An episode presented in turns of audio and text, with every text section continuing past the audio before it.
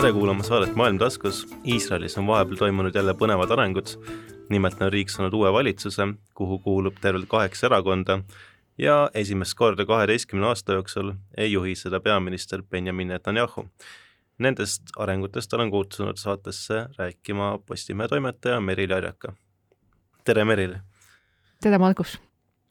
mina olen saatejuht Margus Parts.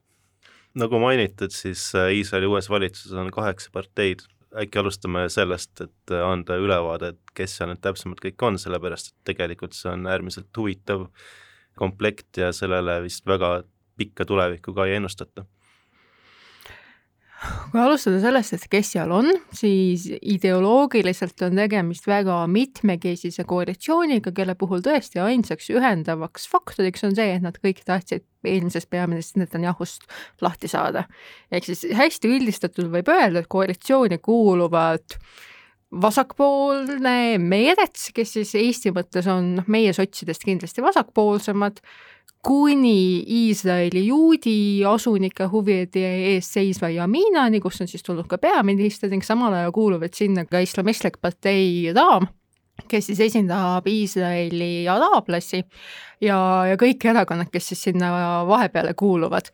Et ütleme niimoodi, et opositsiooni on praeguseks jäänud Netanyahu juhitav Likud ja religioossed parteid, siis ultraortodoksid ning religioossed sionistid, kes on siis samuti religioossed, aga natukene natsionalistlikumad kui ultraortodoksi parteid. kui me vaatame seda koalitsiooni, siis sellest suurima osa ehk siis seitseteist häält Knessetis moodustab Yair Lapidi juhitud Yeshatid, mis siis loodi umbes kümmekond aastat tagasi, kui Lapid tuli poliitikasse. Lapid on olnud alati väga tsentristlik, tahtnud teha koostööd erinevate parteidega, aga tema on ka ütleme, selline võitlevalt sekulaarne, et näiteks ultraortodoksete parteidega ei ole tema kunagi tahtnud väga palju koostööd teha. mistõttu ta ei ole olnud ka viimastel aastatel koalitsioonis, sellepärast et Netanyahu koalitsiooni on peaaegu alati kuulunud religioossed parteid jõujoonte järgi teisel kohal või siis ka isegi ka esimesel, sest praegu on nende käes ju peaministri koht, on Jamina, mida juhib Naftali Bennett natukene raske on isegi öelda, palju tal toetust on, sellepärast et märtsis toimunud valimistel sai tema juhitud erakond seitse kohta Knessetis, aga üks nendest inimestest ei hääletanud loodava koalitsiooni poolt, sellepärast et ta ei olnud nõus, et sinna kaasatakse noh, emb-kumb, kas ma täpselt ei tea, et kas ta oli vastu see, et vasakpoolsed või see, et araablased või see, et mõlemat, aga üldiselt sellised mingisugused ideoloogilised vastuolud selle koalitsiooni puhul ikkagi selles mõttes on olemas siis kuuluvad sinna vasakpoolsed parteid, ehk siis juba mainitud Meretz ja Tööpartei. tööpartei on Iisraeli riigi rajaja, alusepanija, aga on näha, et ütleme, et kui nad tulid nelja-viiekümnendatel ja nad olid praktiliselt domineeriv partei, me saime rääkida Iisraelist kui ühe partei riigist sellel hetkel, siis praegu sai tööpartei ma arvan, et see oli samuti seitse kohta Knessetis ning tegelikult oli küsimuseks, et kas nad üldse ületavad valimiskünnise, et kas nad üldse jõuavad, ehk siis sellist oma poliitilist kapitali on tööpartei viimaste aastate jooksul väga kõvasti kaotanud. Mõnes mõttes on huvitav jällegi see, et nende praegune juht Melev Mihhaili on ainukene naiserakonna juht Iisraelis ja tema on selline feminist, seisab naiste õiguste eest, ka progressiivsete väärtuste eest ja, ja tahabki tuua Iisraeli poliitikasse selles mõttes natukene selliseid teemasid, mida siis noh, nii-öelda need uued teemad, ehk siis progressiivsed väärtused, keskkonnahoidlikkus, et sellistest vanadest, sellistest sotsiaalmajanduslikest ja võib-olla ka julgeolekulõhedest nagu natukene kaugemale minna. siis on Yeshatid, mida me juba mainisime, Äh, Viktoria Liibermann, kes juhib Iisrael Beiteenut, mis siis äh, ajalooliselt on olnud nii-öelda vene juutide erakond, ehk siis need juudid, kes rändasid Iisraeli endistest Nõukogude Liidu maadest üheksakümnendatel, kui neid tuli umbes kaks miljonit, siis nad olid valdavalt venekeelsed ja väga palju, ütleme, ühiskonnaga ei suhelnud, selle tõttu neil on ka sellised omaette vene parteid olnud. praeguseks nad on juba märksa rohkem niimoodi sellisesse Iisraeli heebreakeelsesse ühiskonda integreerunud, aga ikkagi mõnes mõttes nagu võrdlemisi eraldiseisvad ning vene juutidega on selles mõttes huvitav asjaolu, et kui vaadata, kelle poolt nad hääletavad, siis nemad on need inimesed, kes on julgeoleku mõttes üpriski parempoolsed, üpriski nagu ei taha palestiinlastega mingisugustele kokkulepetele minna, pigem arvavad, et ütleme, et läänekallast tuleks annekteerida või siis lihtsalt selles mõttes toetavad selliseid sõjalisi küsimusi. samal ajal on nad ka sekulaarsed ning see on see huvitav vastuolu, et enamasti kehtib Iisraelis selline rusikareegel, et parempoolsed inimesed on ka religioossed inimesed, aga et kuna vene juudid on sellised sekulaarsed, siis tekkiski selline vastuolu paremerakondade seas, mis siis oli ka see, mis kaks aastat tagasi Netanyahule tegelikult selle valitsuse viis, kui Viktoria Liibermann ütles, et tema ei ole enam nõus Netanyahu, noh, et tema ei, ei ole enam nõus olema koos ultraortodoksete parteidega Netanyahu juhitud valitsuses, sellepärast et nad tahaksid, et rohkem ultraortodokseid juute täidaksid sõjaväekohustust, ehk siis läheksid sõjaväkke, kuhu nad hetkel väga palju ei lähe täitsa nagu teistel põhjustel, millest võib ka hiljem pikemalt rääkida, sest see on väga oluline küsimus Iisraeli ühiskonna jaoks niisiis, siis on seal Gideon Saar, juhib Uue Lootuse parteid. Saar oli pikaaegne Likuudi liige, kellest mõneti oodati Netanyahu mantlipärijat, aga mida jällegi iseloomustab Netanyahut, on see, et ta on Likuudi juhtimise aja jooksul suutnud välja süüa erinevad rivaalid Likuudi seest, ehk siis noh, mitmed inimesed, keda, kes praegu siis selle koalitsiooni on loonud, ehk siis Bennett ja Liebermann ja Saar olid kunagi Likuudi liikmed, aga siis lõid Likuudist lahku, sellepärast et neil tekkisid kas isiklikud vastuolud Netanyahuga või lihtsalt see enda ambitsioonikus. et nad tahtsid saada paremaid positsioone, tahtsid saada võimalust saada peaministriks, nad nägid, et Likuudis ja Netanyahu all see kindlasti ei ole võimalik ehk siis Saar lõigi Likuudist lahku eelmise aasta detsembris ja alguses tuli väga tugevasti esile, tundus, et temast võib saada selline uus Netanyahu põhirivaal, selline nagu oli olnud Benny Gantz varasemalt, aga et tegelikult valimistel tal väga hästi ei läinud. ja jällegi, et üsna napilt ületas valimiskünnise, väga palju kohti ei saanud siis on selles koalitsioonis Benny Gantz, kes siis viimased kaks aastat ütleme nüüd, et Benny Gantz tuli poliitikasse kaks tuhat kaheksateist lõpus, kaks tuhat üheksateist alguses, kui ta lõi sinivalge valimisliidu ehk siis enda ja Yeshatidi ja Lapidiga koostöös. see oli valimisliit, mis mitmetel valimistel võitles Likuudiga niimoodi, et nad mõlemad said üle kolmekümne kohti, ühtedel valimistel sai ühed natuke rohkem, teised natukene vähem, vastupidi järgmistel, aga kummalgi ei õnnestunud tegelikult seda valitsust kokku saada ja eelmisel aastal Benny Gantz siis eelmise aasta kevadel sõi oma sõnu ja läks Netanyahuga koos valitsusse. loomulikult oli asi selles, et meil oli koroonakriis, mis Iisraelis oli sellel hetkel väga suur tervishoiukriis ning Ants nägi, et seda meil on, on vaja mingisugust valitsust, kes oleks võimeline mingisuguseid otsuseid tegema, aga see oli ka selline valitsus, mille puhul oli ette näha, et ega see väga palju, väga kaua ei, ei püsi, sellepärast et kummalgi mehel ei ole erilist huvi omavahel koostööd teha, seda tegelikult oli ka näha, kui Kants kaitseministrina oli praktiliselt kõrvale jäetud näiteks nendest Iisraeli normaliseerumislepetest Araabia riikidega, et tehti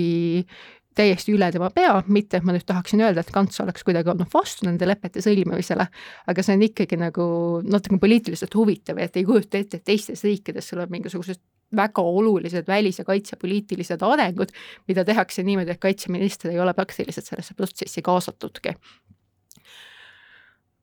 ja siis on seal koalitsioonis islamistlik erakond Raam, kes siis esindab Iisraeli araablasi, ehk siis Iisraelis on umbes kakskümmend protsenti elanikkonnast araablased, palestiinlased, ehk siis inimesed, kes ei põgenenud Iisraeli riigi territooriumilt tuhande üheksasaja neljakümne kaheksanda aasta sõja ajal.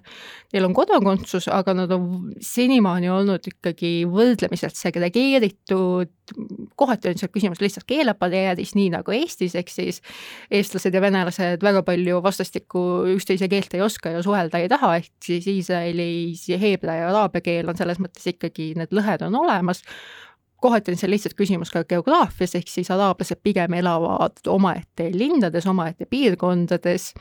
aga samuti on nad kindlasti olnud poliitiliselt, ütleme, marginaliseeritud, senimaani ei olnud äh, araablaste kaasamine valitsusse ei olnud nagu Iisraeli juudi elanikkonna jaoks võimalik, see ei olnud isegi mõeldavgi. Nad on olnud seal varasemalt, äh, kaudselt toetasid Yitzhak Rabini valitsust üheksakümnendatel, kui Rabin pidas läbirääkimisi Yasser Arafatiga, et äh, jõuda Oslo lepeteni, mis siis andsid palestiinlastele teatava omavalitsuse aga isegi sellisel juhul oli näha, et ega tegelikult see juudi avalikkus ei olnud absoluutselt rahul sellega, et äh, mingisuguseid väga olulisi otsuseid tehakse vähemusvalitsuses, mida siis mille püsimist toetavad araablased. ja selles mõttes on tegemist hästi huvitava arenguga, et kui me mõtleme sellele, et Iisraeli ja Hamasi vahel oli veel paar nädalat tagasi sõjategevus, et kui siis oleks küsitud nagu Iisraeli juutide või sellise Iisraeli poliitika vaatlejate seast, et kas nagu araablased jõuavad valitsusse, siis keegi ei oleks seda tegelikult uskunud. ja selles mõttes me näemegi, et mõneti selle Laami kaasamise tegelikult nagu legitimiseeris ära Netanyahu ise, kes tegelikult pärast märtsis toimunud valimisi hakkas Laamiga läbirääkimisi pidama, mis siis tähendas, et selle parempoolse, Iisraeli parempoolse elanikkonna jaoks, kes on siis tegelikult nagu poliitilises mõttes tugevam kese, olulisem valijabaas, et nende jaoks teataval määral muudeti vastuvõetavaks see, et Laam on valitsusse kaasatud me tuleme hiljem tagasi natukene selle valitsuse programmilise osa juurde, aga ma arvan, et peaks natukene ära rääkima selle, et miks täpsemalt oli vaja Netanyahust lahti saada, et noh, nagu siin on juba väga selgeks saadud, siis see valitsus ikkagi seisab väga savijalgadel ja kisub erinevatesse suundadesse laiali, aga miskipärast siis kaheksa väga erinevat jõudu tulid kokku, et äh, siis teha niimoodi, et Netanyahu ei oleks võimul ütleme niimoodi, et mitu aastat on Iisraeli poliitika peamiseks äh, lahkmeks olnud Netanyahu isiku küsimus. Netanyahu oli juba eelne väga vastuoluline figuur, sellepärast et ta on suutnud, ütleme nii, oma liitlasi kui vaenlasi, liitlasi endast eemale ajada ja vaenlastele mitte kuidagi ennast sümpaatseks teha aga samal ajal tal on teatav väga tugev valijabaas, kes teda toetab, tahaks isegi öelda, et mõneti pimesi toetab, kui vaadata seda, et Netanyahu oma neljandatel valimistel kevadel sai ka tegelikult kolmkümmend häält, kolmkümmend häält Knessetis, Knessetis on sada kakskümmend kohta, ehk siis said neljandiku ja seda siis olukorras, kus Netanyahu vastu on algatatud korruptsiooni uurimised ja praeguseks on esitatud ka ametlikud süüdistused kolmes erinevas korruptsioonijuhtumis, peetakse istungeid ja aga tuleb arvesse võtta seda, et eks see istungite pidamine on väga pikk protsess, et see kohtuasi kestab veel pikka aega. mind lihtsalt huvitabki okay. see, et, et nagu mi-, miks ei ole võimalik lihtsalt tema all enam edasi minna, no see on reaalne ju poliitiline küsimus praegu, et, et kui sul on äh, nii erinevad erakonnad äh, nõus tegema koostööd, siis järelikult äh, noh, põhjus peab olema kuskil mujal, mitte selles ainult, et Netanyahu on ebameeldiv. Ma ei ole sellega selles mõttes täiesti nõus, jah, loomulikult see korruptsioonijuhtum on, korruptsioonijuhtumid on väga olulised ning suure osa selle koalitsiooni saadikute jaoks põhjus, miks nad ei taha Netanyahuga koostööd teha, on just see, et ta on, tema vastu on algatatud uurimine süüdistused kohtuistung ning ta on viimastel aastatel teinud aktiivseid takistusi selleks, et see protsess ei saaks edasi minna. teisest küljest loomulikult see annabki lihtsalt väga hea ettekäände nendele inimestele, kellel on endal väga tugevad isiklikud ambitsioonid saada Iisraeli peaministriks või saada Iisraeli poliitikas tugevamaid positsioone ning kes on näinud, et noh, et Netanyahu ajal Netanyahuga koos ei ole see võimalik, sellepärast et ta ise on niivõrd tugev kese. teiseks küsimuseks, mis seal tulevad, on see juba eelpool mainitud ultraortodoksate küsimus, ehk siis kui vaadata laiemalt, siis selline Iisraeli sekulaarse või ka traditsioonilise avalikkuse jaoks, noh, need on need inimesed, keda meie nagu äh, kellest ütleme, keskmine eestlane saab aru, kes on võib-olla sellised nii-öelda nagu on suur osa Eesti avalikkusest on sellised jõulupüha kristlased, siis suur osa Iisraeli avalikkusest on sellised Yom Kippuri juudid, ehk siis kui on mingisugused usupühad, siis nad jah, tähistavad mingisuguste traditsioonidega, aga nad ei arva, et ütleme, et ususeadused peaksid kehtima kogu aeg ja valimatult ja üle riigi. ja siis meil on ultraortodoksed parteid, kes mitte ainult ei taha väga suurt autonoomiat omaenda kogukondadele, vaid nad on tahtnud ka ütleme, laiendada seda mõjuvõimu, mis on usul ja usutraditsioonidel selles riigis. ehk siis näiteks hästi lihtlabased küsimused, kas Tel Avivis võiks laupäeviti bussiga sõita. ultraortodoksid ütlevad, et meil on šabat, kus elektrit kasutada ei tohi, transporti kasutada ei tohi, bussid sõita ei tohi. Iisraeli selline sekulaarne traditsiooniline avalikkus ütleb, et noh, aga miks mitte, et see, et umbes, et teie ei taha selle bussiga sõita, aga ärge siis astuge selle bussi peale, aga noh, meil on seda vaja.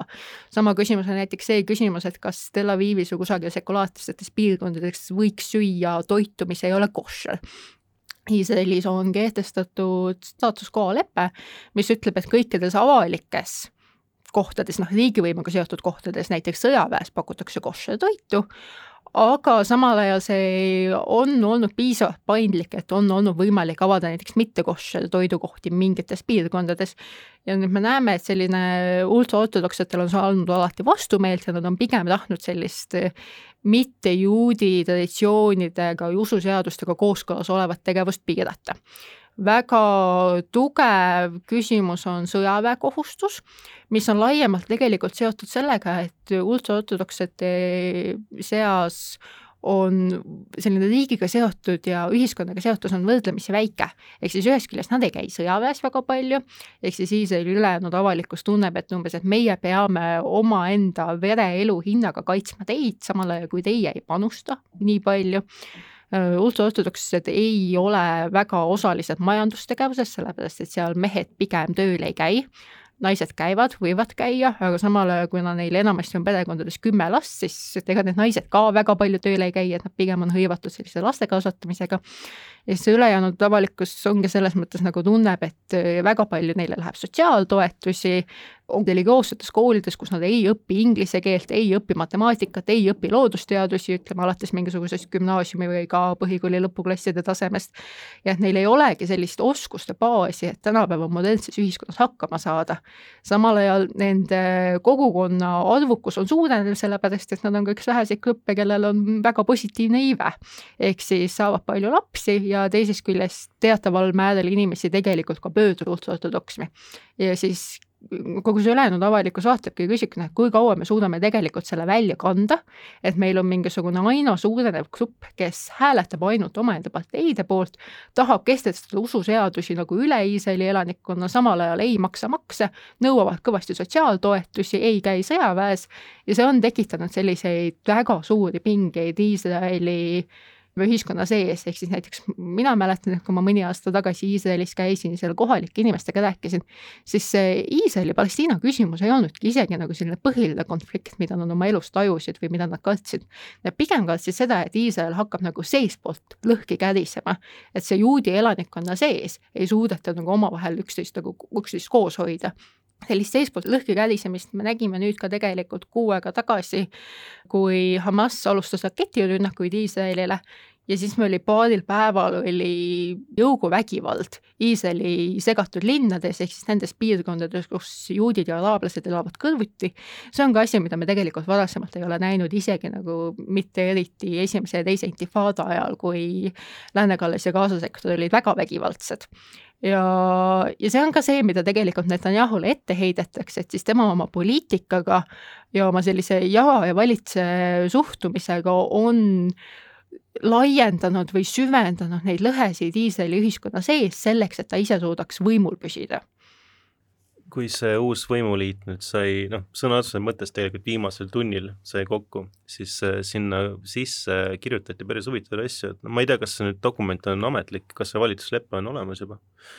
aga igatahes need lubadused, mis anti, päris, päris põnevad, näiteks üks asi oli see, et kui me räägime araablastest, siis neile ju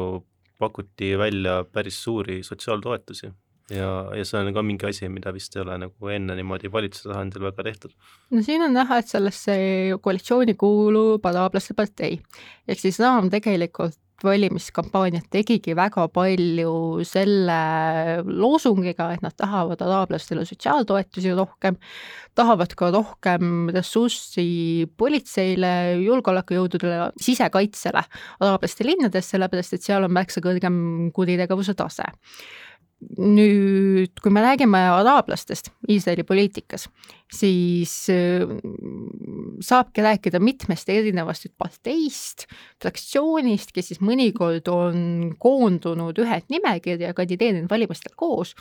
seda toimus ka viimastel aastatel, aga nüüd selle valimiste eel ühendnimekirjast Raam lõi lahku ja lõigi selle eesmärgiga, et nad tahtsid teha võimalikuks seda, et neid oleks võimalik valitsusse kaasata. sellepärast, et kui ühendnimekiri on esiteks noh, tegemist on ühendnimekirjaga, eks seal tõepoolest, seal on nagu kommunistidest islamistideni välja, sekulaarsed araablased kuni väga-väga konservatiivsed araablased, ehk siis jällegi meil ei ole väga suurt sellist ideoloogilist ühe, ühisosa, nüüd, kui see üks osa, võib-olla ka kõige sõnakam osa sellest välja läks, siis ongi näha seda, et sellel raamil on võimalik öelda, et jah, me tahame keskenduda Iisraeli araablaste esindamisele, me tahame, et oleks nagu need, meie kogukond oleks paremini kaitstud, sellepärast et me oleme ka Iisraeli osa.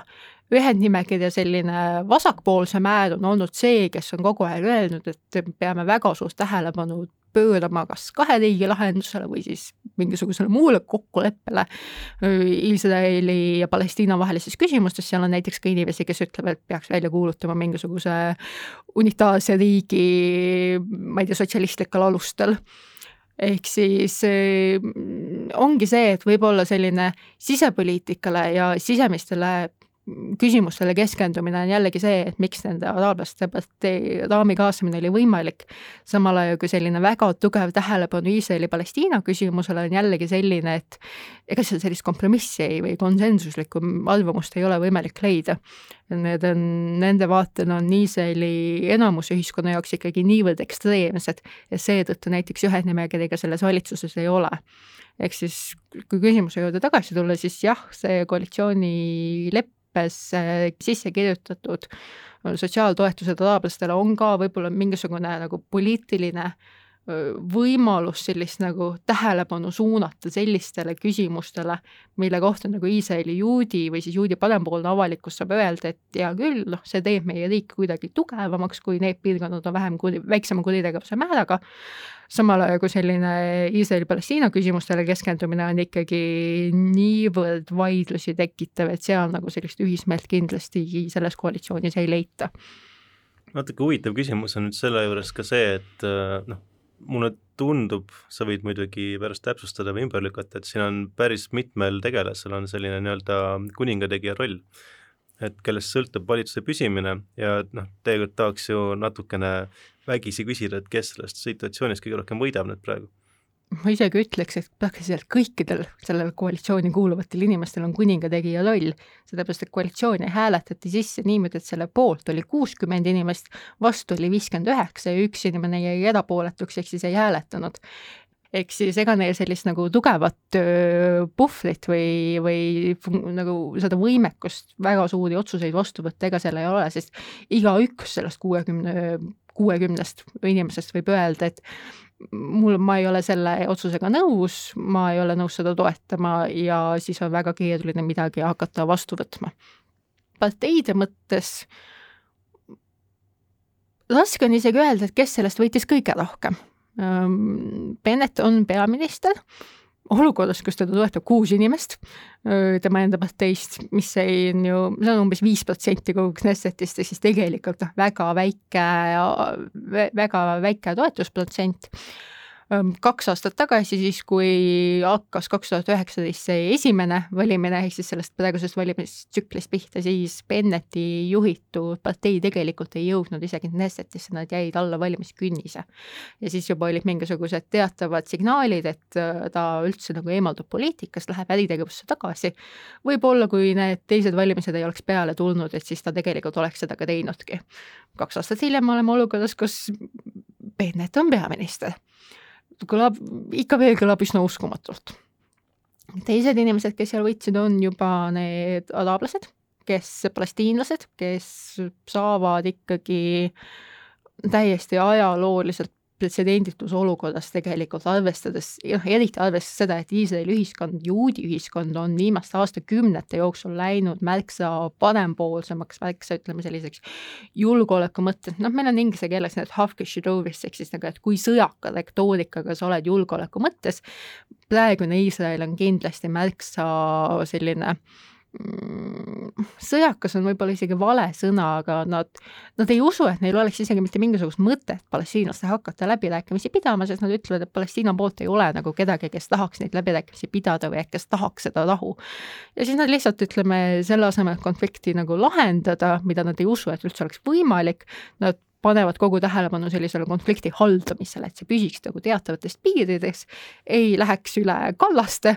ja ei hakkaks rikkuma nagu Iisraeli suhteid teiste araabia riikidega. ja selles mõttes, võtta sellises olukorras tulevad araablased, mitte ainult araablased, vaid araabia islamistid, ehk siis noh, kõige konservatiivsemad, kõige suuremat tähelepanu usule pööravamad inimesed jõuavad valitsusse. noh, see on seesama nali, et umbes, et millise Lähis-Ida riigi valitsuses on kõige rohkem islamiste, kui see on praegu Iisrael, siis see on üsna naljakas ja siis loomulikult noh, ribulada pidi võitsid seal kõik tegelikult need, kes praegu koalitsiooni jõudsid, sellepärast et ma ei tea, Meerets on esimest korda valitsuses üle kahekümne aasta tööpartei on varasemalt valitsuses olnud, aga teiste juhtimiste all ja ka tegelikult sellest praegusest Mihhailist keegi tegelikult ei oodanud, et tema hakkaks koostööd tegema mingisuguste parem, tugeva parem koalitsiooniga. Yeshatid mm, ehk siis Jair Lapid, kes seda juhib, on ka selles mõttes hästi huvitav tegelane, tema tuli poliitikasse, ta oli varasem televisiooni saatejuht ja kui ta poliitikasse tuli, siis natukene nagu arvati, et ta on lihtsalt selline ilus mees, kes on palju sarmi, räägib õigeid asju, aga väga sügavat sisu tal ei ole. nüüd ta on olnud olukorras, kus tal on ikkagi näidanud üles seda, et on sellist teatavat riigimehelikkust, ehk siis ta on väga palju loobunud oma isiklikust egost, ta ei ole nõudnud, et tema peaks tingimata saama selle peaministri koha, ta oli valmis andma selle Bennettile, ehkki jõudude vahekord on selline, et tal on ju märksa suurem toetus Knessetis kui Bennettil, lihtsalt sellepärast, et ta nägi, et see koalitsioon praegu temal kokku ei oleks tulnud. Benneti all see tuli kokku sellepärast, et need paremtiiva erakonnad ehk siis ennekõike ikkagi Liebermann ja Gideon Saar olid nõus nagu Benneti all istuma nii et see selgitab ka seda imelikku roteeruvat peaministri süsteemi, et miks see on vajalik, eks ole, et noh, nagu sa ütlesid, see on absurdne süsteem mingis mõttes või absurdne olukord, et, et esimene peaminister siis noh, käib kahe aasta kaupa, eks ole, et esimesed kaks aastat on peaministriks inimene, kellel on tegelikult ainult kuus inimest äh, Knessetis selja taga. Ja seda enam on see absurdne, et ega tegelikult keegi ei oota, et see valitsus nagu nii kaua püsiks, et äh, kaks aastat, et arvesse tuleb võtta ikkagi seda, et sellesse koalitsioonileppesse on sisse kirjutatud mitmeid, ütleme selliseid tööriistu, mis aitavad seda valitsust koos hoida. põhimõtteliselt niimoodi, et kui teha võrdluse selle varasema dotatsioonileppega, mis sõlmiti Netanyahu ja Gantsi vahel, siis selle sisu oli selline, et oli määratud mingisugune tähtaeg, millal tuleb Gants võimule ja ka kui nad ei suuda riigieelarvet vastu võtta, et siis see valitsus automaatselt läheb laiali siis see praeguse koalitsioonileppe mõte on see, et kui see valitsus peaks hakkama laiali minema, siis Lapid saab peaministriks. ehk siis tegelikult Bennet ei saa väga hästi läbi teha seda varianti, et ta nüüd hakkaks mingisuguseid, ma ei tea, Likudi juurde võtma ilma Netanyahut ja kui Netanyahu peaks Likudist lahkuma. sellepärast, et põhimõtteliselt, kui ta seda teeks, siis Lapid saaks vähemasti mingisuguseks perioodiks automaatselt peaministriks ehk siis selles mõttes, et see koalitsioonilepe on kirjutatud niimoodi, et tegelikult äh, nii Bennetil kui Lapidil on väga tugev huvi seda valitsust koos hoida. võrreldes sellega, et see eelmine nii-öelda ühtsusvalitsus oli selline, kus Netanyahul ei olnud mitte mingisugust huvi valitsust koos hoida ja ega Benny Gantsil nagu palju suuremat ei olnud. ühtsusvalitsused on Iisraeli ajaloos varemgi olnud,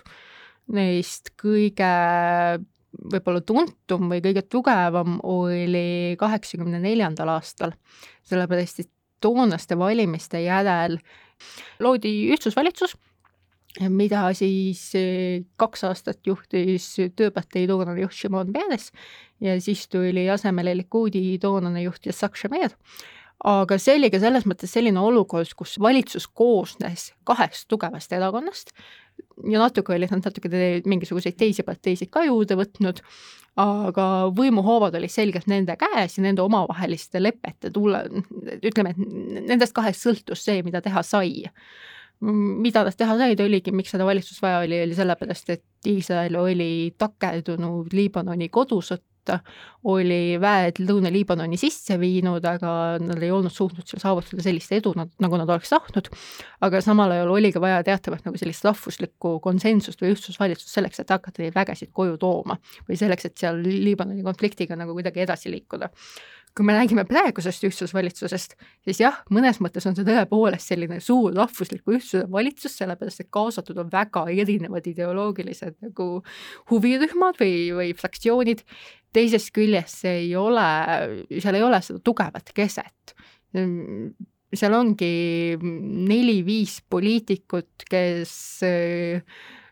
kõik on praegusest koalitsioonist väga palju võitnud, aga kui nüüd Netanyahu peaks poliitikast mingil moel lahkuma, siis ei, neil ei ole väga palju põhjust seda valitsust enam koos hoida. või siis Netanyahu kindlasti tegelikult proovib seal hakata mingisuguseid üleostmisi tegema või paremaid pakkumisi. mõnes mõttes ongi selline paradoksaalne olukord, et Netanyahule lihtsaim viis selle valitsuse lõhki ajamiseks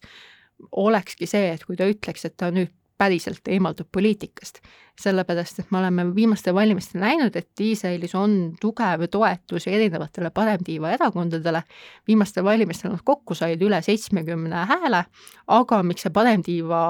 valitsus ei ole sündinud, ongi see, et seal on olnud see Netanyahu lõhestavaks figuuriks, ehk siis pool paremtiivast ehk Likud ja ultraortodoksed religioossed sionistid tahavad Netanyahut ja ülejäänud pool ütlevad, et mitte mingil juhul Netanyahu puhul on lihtsalt see, et tema tõenäoliselt lahkub poliitikast kas jalad ees või käerauad ees, ehk siis väga ei ole usutav, et tema nagu ise vabatahtlikult loobuks. kas Likudil on jõudu, et Netanyahu maha võtta ja asemele kedagi teist panna? võimalik, aga teisest küljest ka üsna natukene kaheldav lihtsalt sellepärast, et Netanyahul on olnud nii hea võime sellised oma tugevad rivaalid sellest parteist välja süüa. ehk siis ka praegu tegelikult jah, on mingeid hääli, kes Likudis arutavad seda, et äkki peaks Netanyahu maha võtma, sellepärast et ta ei ole suutnud nagu, ta ei ole suutnud seda võimu hoida isegi enam, rääkimata sellest, et ta ei ole suutnud viimased kaks aastat tugevat valitsust moodustada, aga see kindlasti ei, ei saa öelda, et Netanyahul on praegu lips läbi, sellepärast et tema on ikkagi poliitiliselt üks Iisraeli tugevamaid poliitikuid, väga hea taktik, lihtsalt tema taktika on tähendanud seda, et ta on nüüd ennast nii nurka mänginud, et tal tegelikult ei ole väga palju inimesi, kes tahaksid temaga koostööd teha. jah, ja samas tegelikult ju Netanyahu kaotab peaministri ametiga ka puutumatuse.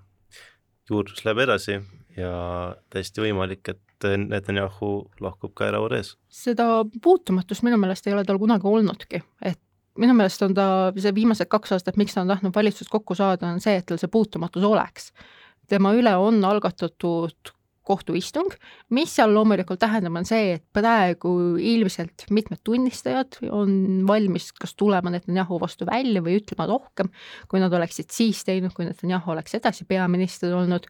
ta on proovinud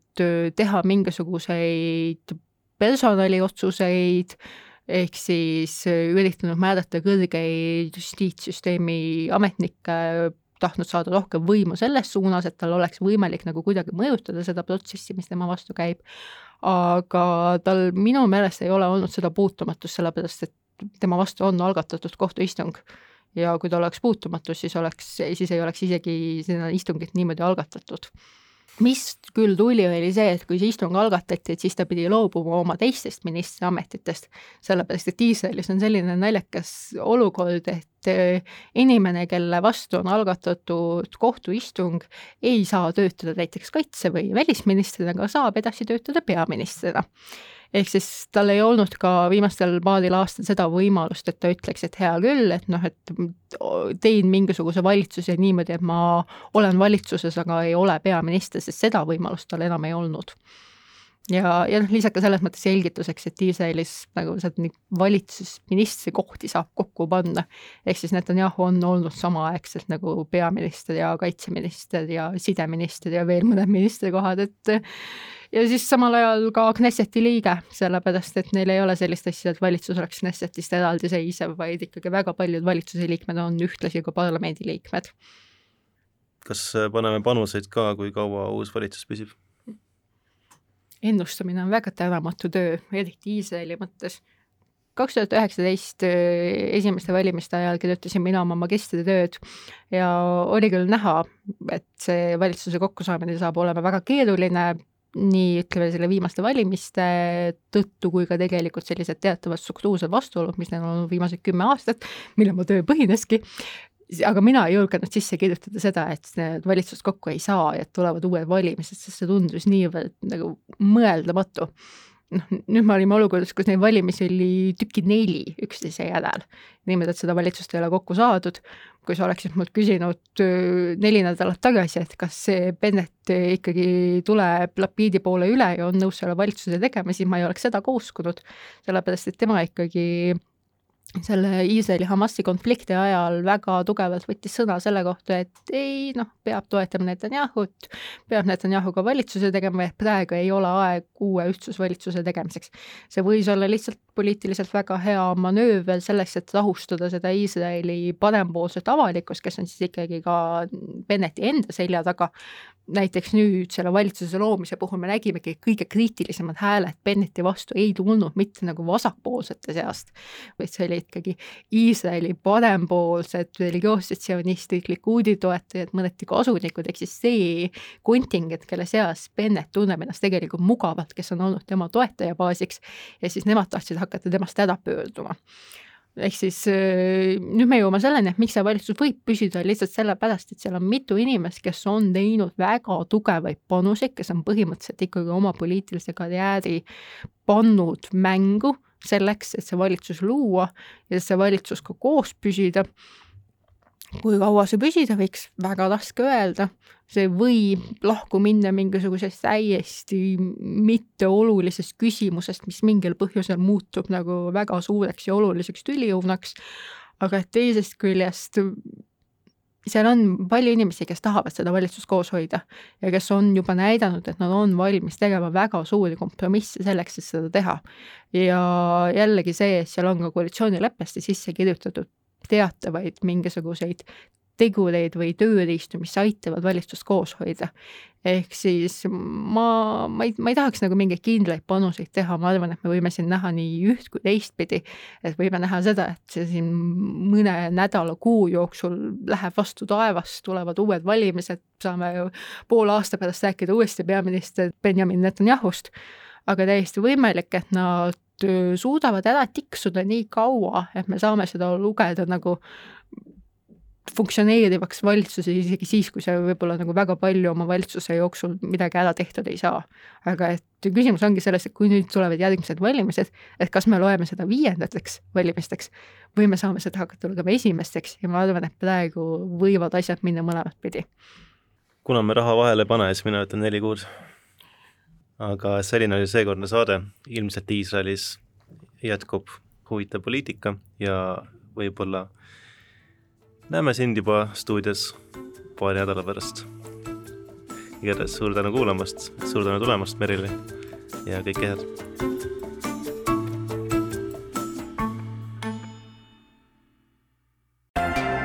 Kogu saade on kuulatav Postimehe digipaketi tellijatele veebilehel podcast.postimees.ee